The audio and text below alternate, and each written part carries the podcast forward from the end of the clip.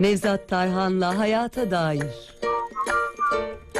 İlk konuğumuz Üsküdar Üniversitesi kurucu rektörü, psikiyatrist Profesör Doktor Nevzat Tarhan. Kendisiyle bugün ahlaki akıl yürütmeyi konuşacağız. Hoş geldiniz Sayın Tarhan, günaydın. Evet, hoş bulduk. Teşekkür ederim. Ee, günaydın, iyi yayınlar Giray Bey. Teşekkür ediyoruz. İyi çalışmalar. Ee, sağ olun. Sağ. Ahlak ve akıl ilişkisiyle başlayalım isterseniz sohbetimize. Tabii. Ahlak ve akıl arasında nasıl bir ilişki var acaba Sayın Tarhan? Tabii tabii. Şimdi ahlaki akıl yürütme e, e, Orta Çağ'dan beri Avrupa'da çok konuşulan bir konu. Daha sonra da bu bütün böyle felsefenin ana konularından birisi olmuş. Aynı zamanda da e, e, psikiyatride de psikolojide de ruh sağlığının kişilik e, teorilerinin temelini oluşturmuş. Kişilik teorilerini oluştururken ahlak ne, ne anlama geliyor, nerede ahlak önemli ve en önemlisi de şimdi modernizm kendi ahlaki normlarını oluşturmaya çalışıyor. Şu anda e, kendi ahlaki normlarını oluşturamadı ama modernizm. E, bu, bu- burada çok e, hatta ahlaki e, şeyle ilgili böyle ilk böyle Avrupa'daki ilk yüksek ses bir Fransız felsefeciden geliyor Ma- Montaigne. Montaigne hatta onun şöyle bir sözü var. Diyor ki e, e, adaletin olmadığı yerde ahlak yoktur diyor. Evet. Şimdi adaletle ahlak arasında ilişkiliyor. E, adalet de muhakeme demek. Mahke, muhakeme, yargı, akıl yürütme demek yoktur diyor. Ve bunu şuradan bunu 1550'lerden falan ya- yaşayan birisi o. O söylüyor. O, onun da etkileyen en önemli şey e, Toledo'da yani bir işte 1490'larda Endülüs Emeviler e, devlet e, biti- bitince orada ciddi bir birçok kitaplar yakılmakla birlikte kalan kitaplar vardı. Toledo şehrinde İspanya'nın e, o zamanki baş kenti gibi bir yerde de çeviri okulu kuruluyor. Çeviri okulunda bütün o kitaplar e, Endülüs Emeviler bu 700 sene nasıl bir medeniyet kurup da burada devam ettiler diye araştırıyorlar. Ve araştırmanın sonucunda da geldikleri noktada oradaki bu devlet düzenini oluşturmayla ilgili bir önce bir ahlak düzenleri olduğu anlaşılıyor onun. Onun üzerine bunun adı, ahlakında e, adalet üzerine yürüdüğünü ve bundan sapmayla birlikte Endülüs Emevilerin dağıldığıyla ilgili bir kanaate varılıyor. Çev- çeviri okulundaki ve Avrupalı düşünürler.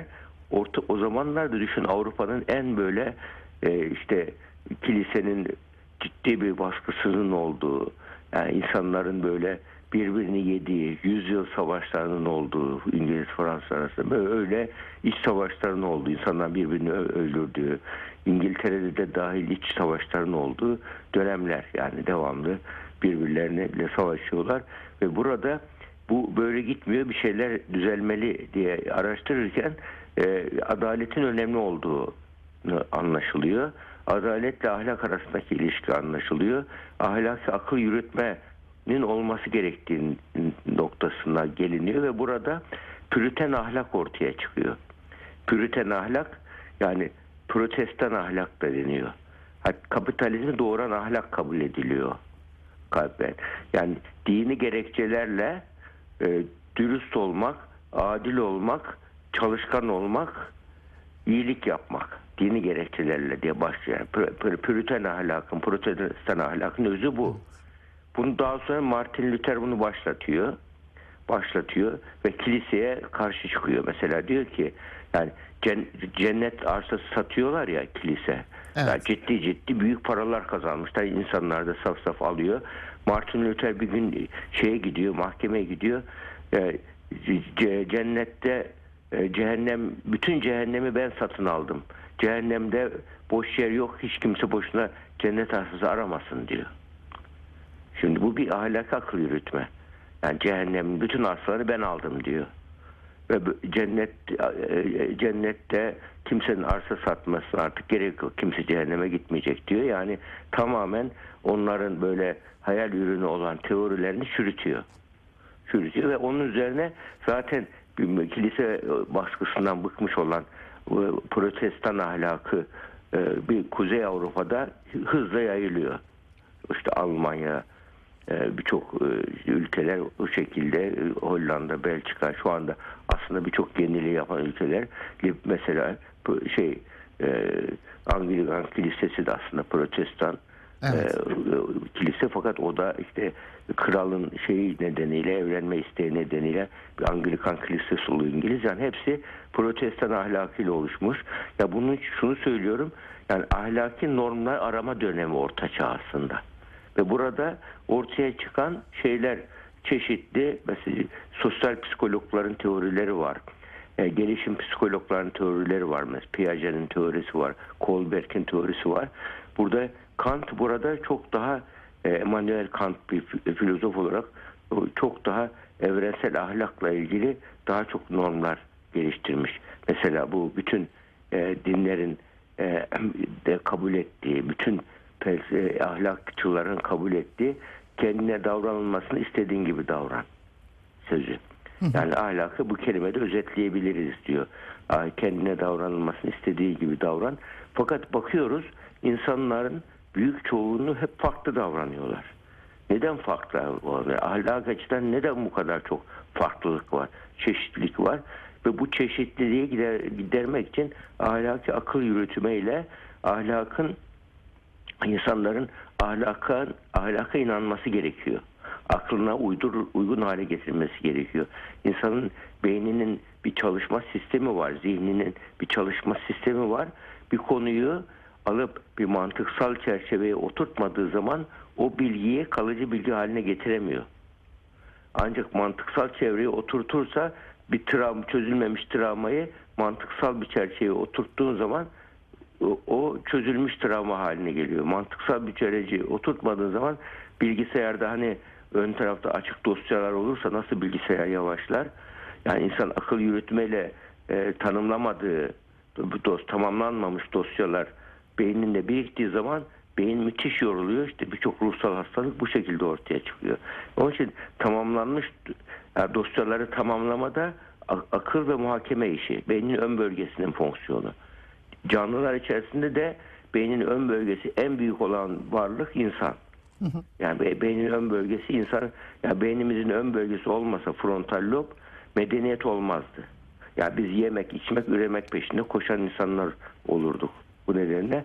Yani ahlaki karar vermede akıl yürütme yöntemlerinin işin çok önemli işe yarıyor. Yani bunun için mesela bir neden ahlak önemli diye savunan görüşler şöyle diyor. Mesela yalan söylemek uygun bir davranış değil. Doğru bir davranış değil. Yani doğru yanlış kararları verir ahlak. Ahlak doğru değil. Peki buna karşı niye doğru olmasın ki ben istediğim zaman yalan söylerim diyen bir kimseye şöyle dediğin zaman susuyor. Yani peki yalan eğer ihtiya menfaatine varsa yalan söylersen o zaman dünyadaki bütün insanların yalan söylemesine izin vereceğiz. Böyle bir dünya yaşanılır bir dünya mı? Doğru. Herkesin yalan söylediği bir dünyada bir düzen var mıdır? Mümkün Bir, değil. o, o- orada e, sağlıklı yaşamak mümkün mü değil? Düşün. Yani bir kasabada yaşıyorsun. Herkes yalan söylüyor. Nasıl nasıl orada ne ticaret yapabilirsin, ne iş yapabilirsin, birçok şey. Yani çocuğunu bile okula gönderemezsin doğru dürüst. Yani çok zor bir şey- hayat olur. Yani e, normlar olmadı olmayan bir toplumda bunlar yapılamıyor. Bu normlar onun için herkesin yararına. Onun için ahlakın bireysel boyutu var, sosyal boyutu var, e, bir de şey evrensel boyutu var. Üç boyutuyla e- el alınıyor ahlaki yürütmede, bireysel boyutta. Ama şu anda nörobilimin getirdiği bir tez var. Nörobilimin e, getirdiği bir görüşten sonra ahlakta yeniden tanımlanmaya başladı. Çünkü canlılar içerisinde tek insan varlık olan insan zihin teorisi yeteneğine sahip. Zihin teorisi de mesela ileri otistiklerde yoktur böyle. Yani onlar yemek, içmek, üremek, barınmak. Tek şeyi budur. Yani bir diğer canlılardan farkı yoktur ama yani o, o tabii çok ileri otistikler. Ama hafif otistikler o kadar değildir. Ee, onun için de bu, bunun küçük yaştan fark edilirse beynin o ayna nöron be- beyninin özelliği bu. Çocuklara bunun eğitimi verilerek kapatılabiliyor arası bunların. Yani özel eğitimle öğrenebiliyor çocuklar. Yani şimdi o zihin teorisi de şöyle beynimizde iki türlü bir motor ayna nöronlar var biri de duygus, duygusal ayna, e, ayna nöronlar var. Motor ayna nöronlar var. Biz elimizi kaldırdığımız zaman bize bak karşı taraf bakıyorsa onun beyninde de elini kaldıran bölge aynen harekete geçer. Yani bu MR e, cihazlarında tespit ediliyor. Göz, göz, göze göre aynı o kişinin beyninde de yani yemek yiyen insanla yemek yemeyi yeni seyreden insanla yemek yemeyi hayal eden insanın beyninin aynı bölgeleri çalışıyor. Yemek yemeyi hayal etmek.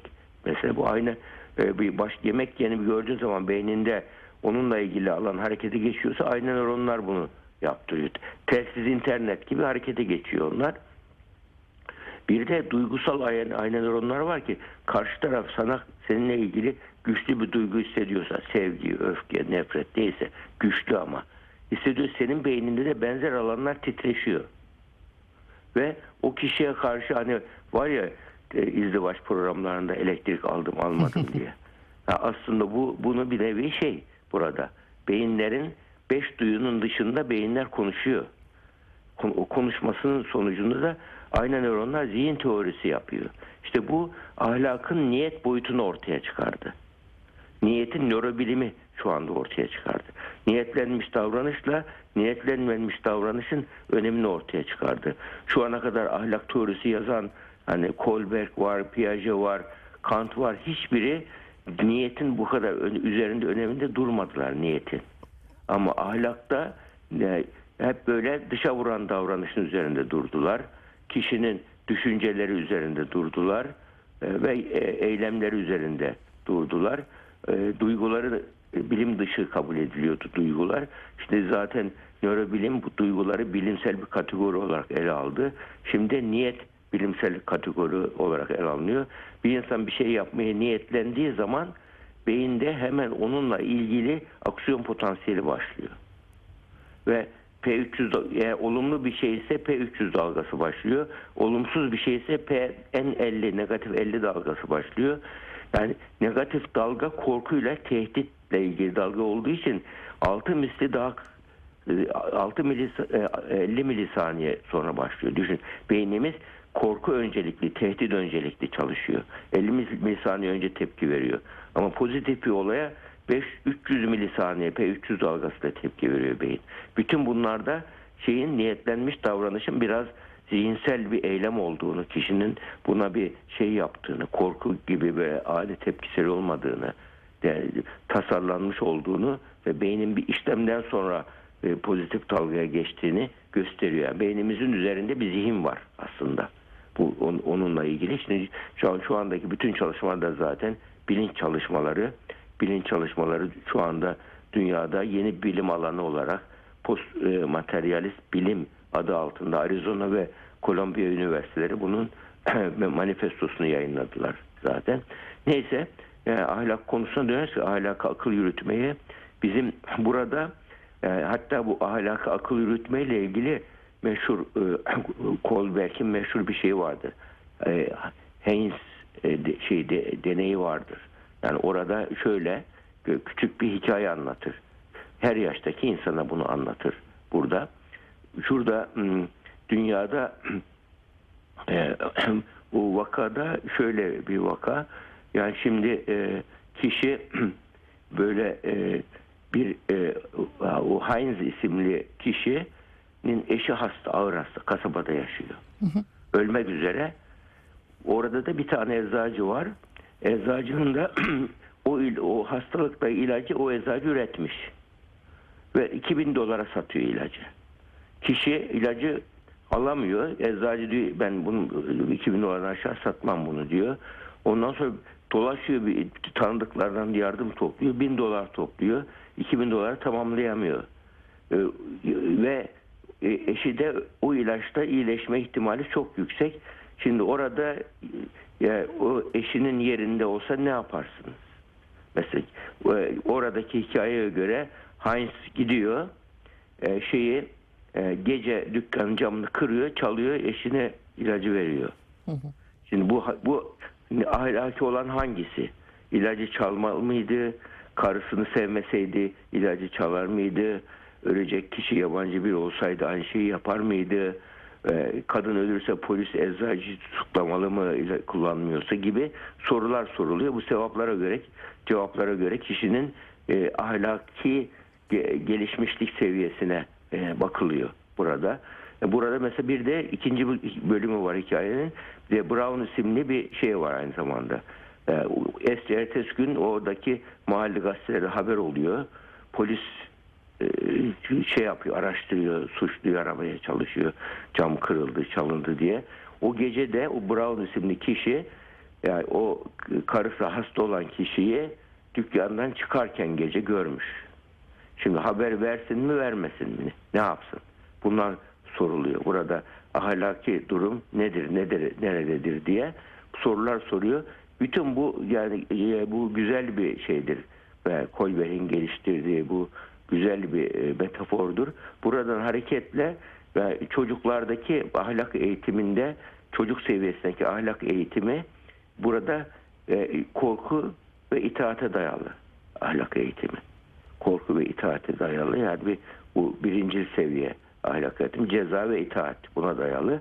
Bu bu bu bu, bu şey somut değerlere göre ahlaki akıl yürütme diyoruz bunu. Somut sonuçları düşünür görünene görüneni dikkate alır yani, yani bu mesela bunu camı kırarsan suçtur e, bu e, ve bundan cezalanırsın diye şey yapar. Orada yani bir çocuk aklı böyle durumlarda va- varsayım üreterek, seçenek üreterek hareket etmez. Yani o e, ölse bile onu yani ilacı almayla ilgili şey, şey tarzındadır. Yani korkuyla, ceza korkusuyla yapar. Bu çocuk seviyesindeki somut değerlere göre düşünen ahlak akıl yürütme. E, soyut değerlere göre düşünen ahlak akıl yürütme ortalama bir insanın akıl yürütmesidir. Böyle durumlar soyut değerlere göre düşünmek sadece insanlarda vardır. Mesela onun için e, di- diyelim hayvan krallığında e, ahlak e, yoktur. Hayvan krallığında bazı normlar vardır, genetik normlar. O normlar içinde davranılır. Yani bir ahlaki akıl yürütme yoktur orada. O genlerine göre davranır. Mesela bir aslan düşün. e, iki nes, bir, bir nesil yanında tutar, ikinci nesil olunca kovar onları. Kovar. Ve küçük çe- çekirdek aile olur. Hatta bunu böyle hayvanlar gözlemleyenler Avrupa'da ideal aile çekirdek aile diyerek geniş aileleri reddetmişler. Hayvanlar da bu şekilde oluyor diye. Ama insanlar soyut düşünen varlık olduğu için insanlar böyle sosyalleşme beceriler olan, yani sosyal norm ihtiyacı olan varlık. Bu nedenle toplumsal ihtiyaçlar olmuş. Onun, buna karşı çare olarak da şimdi mesela Danimarka'da 10 milyon nüfus var aşağı yukarı ama o e, o 15 milyon kişi dernek üyesiymiş. Yani herkes bir derneğe üyet olarak sivil toplum örgütlerini teşvik ediyorlar ki yani siyasi hükümetin katılımcısı olsun, hükümetin ortağı gibi olsun ki güç odakları siyaseti etkilemesin diye böyle bir yöntem geliştirdiler. Yani halktaki bireyselleşmenin sonucunda tabii. Yani sonuçta soyut değerlere göre düşünmek de burada işte niyeti dikkate alır. Mesela bir çocuk bir e, bir bardak masanın üstünde süt var bir bardak. Şimdi e, bu bardak pat diye düştü, döküldü. Şimdi somut düşünene göre bu sütü döktüğüne göre ceza verilecek buna. Ama soyut değerlere göre düşünene göre yani sütü döktü. Bu bir hatalı davranış ama bunu bilerek kasten mi yaptı yoksa kazayla mı yaptı? Buna bakar soyut değer. Kazayla yaptıysa böyle durumlarda onun ders almasına önem verir. Kasten yaptıysa daha kuvvetli bir e, kural uygular burada soyut değerlere göre. Onun için yapılan işte niyeti mahkemelerde de öyledir.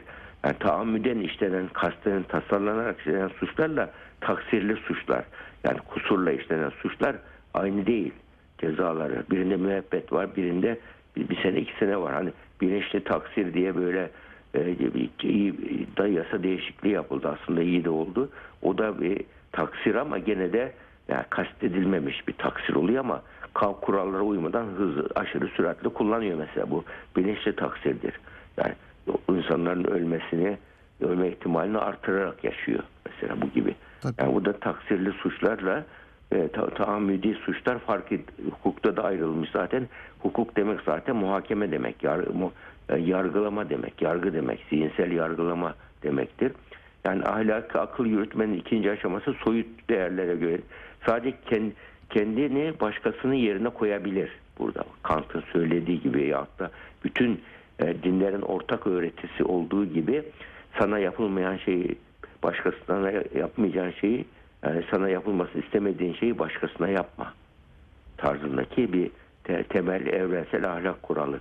Yani kendini başkasının yerine koyar. Sorumluluk bilinci vardır. Sosyal düzen ihtiyacı vardır. Geleceği için çile çekme kavramı gelişmiştir. Kişi sadece bugünkü zevkini düşünmez. Geleceğe, şu anda işte sınıfı geçeceğim de üniversite gideceğim, şurayı kazanacağım. Onun için oturup ders çalışma külfetine katlanmam lazım. Ders çalışma zahmetini çekmem lazım. Geleceğim için bu çileyi, bu zorluğu çekmem lazım diyerek soyut değerlere düşünür. Mesela bir suç işleniyor bir yerde bana ne neme lazım demez. Suç işte şeyi burada e, o e, o suçla ilgili bir şeyler yapma külfetine kat- katlanır. Bununla ilgili hatta bizim Osmanlı'nın böyle en güçlü olduğu devredeki temel değerleri ifade etme açısından bir e, Beşiktaş'taki Yahya Efendi örneği var. Kanuni'nin süt kardeşiymiş Yahya Efendi. E, yani Yahya Efendi o imparatorluğun en güçlü döneminde Yahya Efendi'ye bir şey yazıyor. Kanuni diyor ki ey diyor işte e, üstadım diyor dostum diyor ve herhalde abi gibi büyütmüş ona. Böyle o devleti Ali şöyle şöyle güçlü oldu böyle güçlü oldu böyle güçlü oldu. Devleti Ali'nin akıbeti ne olur diye soruyor. O da kağıdın arkasına bir şey yazıyor. Neme lazım sultanım diyor kendi bu neme lazım demek yani bir sana ne boş ver takma kafana falan gibi olmaz bir hikmeti var bunun diye kanunu atlıyor şeye geliyor yanına geliyor Yahya Efendi Beşiktaş'taki tepede boğaza karşıdır. Çok güzel bir yerdir. Oraya geliyor orada e, neden böyle diyor? "Ya ben ben size böyle hadsizlik yap, yapmak ha- haddim değil. Sultanım diyor ben neme lazım derken şunu kastettim diyor. Böyle koyunları ço- çobanlar çalıp yerse görenler neme lazım derse de yolsuzluk hırsızlık artar görenler neme lazım derse böyle yoksulluk artar fakirler artar e, zenginler neme lazım derse adaletsizlik artar zulüm artar görenden neme lazım derse o zaman devlet aliyenin sonunu bekle diyor. E, tarihte de Aynen bunu öyle. İbn Haldun da benzer şeyler söylemiş. Devletleri bu adaletsizlik, yolsuzluk yani e, adaletsizlik, yolsuzluk bunlar devletlerin görünmeyen yıkım sebebi. Roma böyle yıkılmış mesela. Zengin, elitist bir grup kendi zevkini düşünmeye başlıyor. Ve onu görenler isyan ediyor. Mesela Kazakistan'da olan olaylar nedir? O adaletsizlik, yoksulluk ve yolsuzluk birleşince patlıyor. Yani dünya Fransız ihtilali nedir? Aynı şey. Tabii. Bunun için bunlar bu ahlaki normlar toplumu koruyan normlardır. Ama ahlaki normlarda koruyan adaletin olmasıdır. Adaletin olmadığı yerde insanlar neme lazım demeye başlıyor. Kendi Maalesef. çıkarını düşünmeye başlıyor. Üçüncü aşamada da bitireyim isterseniz. Tabii buyurun. Yani asıl e, e, yüksek ahlaki değerler, yüksek ahlaki akıl yürütmede yüksek değerleri düşünerek akıl yürütme. Bu niyet o, niyeti dikkate alır ama ayrıca hakçı olmayı dikkate alır. Merhamet ve saygı gibi değerleri benimser. İçgüdülere ne kendi içgüdülerine direnç gösterir. Hoşuna gideni canın istediğini değil de doğru olanı yapar. Yani en büyük tarafsızlığı kendine karşı yapar en büyük en büyük kontrolü iç kontrol yapar. Kendine karşı yapar. İç kontrolü gelişmiştir. Yüksek değerleri olan. Gizli de kötülük yapmaz. Mesela şeyde İngiltere'de leydilik eğitimi vardır. Leydilik eğitimini alan bir çocuğun ne zaman leydilik eğitimini aldığına bakılır. Yalnız iken yemek yiyorsa da aynı kuralları uyguluyorsa bu çocuk leydilik eğitimi almıştır denir. O bir içselleştirmiştir artık. Otomatik yapıyordur normları e, ahlaki normları bir acıyı hafifletmeyi sever mesela. İyiliği besler. iyilik yapmayı bir karşılıksız iyilik yapmayı, sessiz iyilik yapmayı, rastgele iyilik yapmayı sever. Yani kötülüğü engeller, fedakar olabilir, baş, sadece kendisi için değil başkaları için de çile, külfete katlanabilir. Ülkesi için, vatanı için, evrensel değerler için ve ama ah- ahlaki normlardaki en üst norm insanın içerisindeki vicdani normlardır. Vicdani normlar da e, e, kanunlarla e, şeyler bazı devletin menfaatleri korunuyor toplumsal bazı menfaatler. Geleneklerle insanın sosyal normlarla diğer menfaatler korunuyor ama içsel vicdanla da ve ahlaki normla da kişinin e, vicdani sorumluluk duygusu gelişiyor ama gizli olarak bile kötülük yapmaması derecesine gelmesi lazım kimsenin. Bunun olması için de kişinin artık küresel olarak bencillik artarsa, çıkarcılık artarsa kişi ancak e, ölüm ölümden sonra hesap verme duygusu yani yaratıcıya karşı sorumluluğu varsa yüksek değerlere göre düşünmüş oluyor burada. O yoksa mesela eski antik çağda öyleymiş. Yakalanmadıkça hırsızlık serbestmiş mesela. Bu, bu, bu noktaya gel- gelebiliyor. Onun için ahlaki normların en yüksek noktası vicdani normların ve görünmeyene hesap verme duygusunun sahip olması da diye diye böyle bir özetleyebiliriz. Ee, Bireylerden devletlere kadar, yöneticilere Tabii. kadar olan bütün e, Tabii, ahlaki herkeste. akıl ilişkisine konuştuk. Çok teşekkür ediyoruz Sayın Rica Tarhan. ederiz, E, sağlıkla kalın efendim. Kolay rica gelsin ederim. sizlere de. İyi yayınlar, iyi. Sağ olun ve şimdi kısa bir müzik aramız var. Gökçe Bahadır bizlerle sonrasında kaldığımız yerden devam edeceğiz.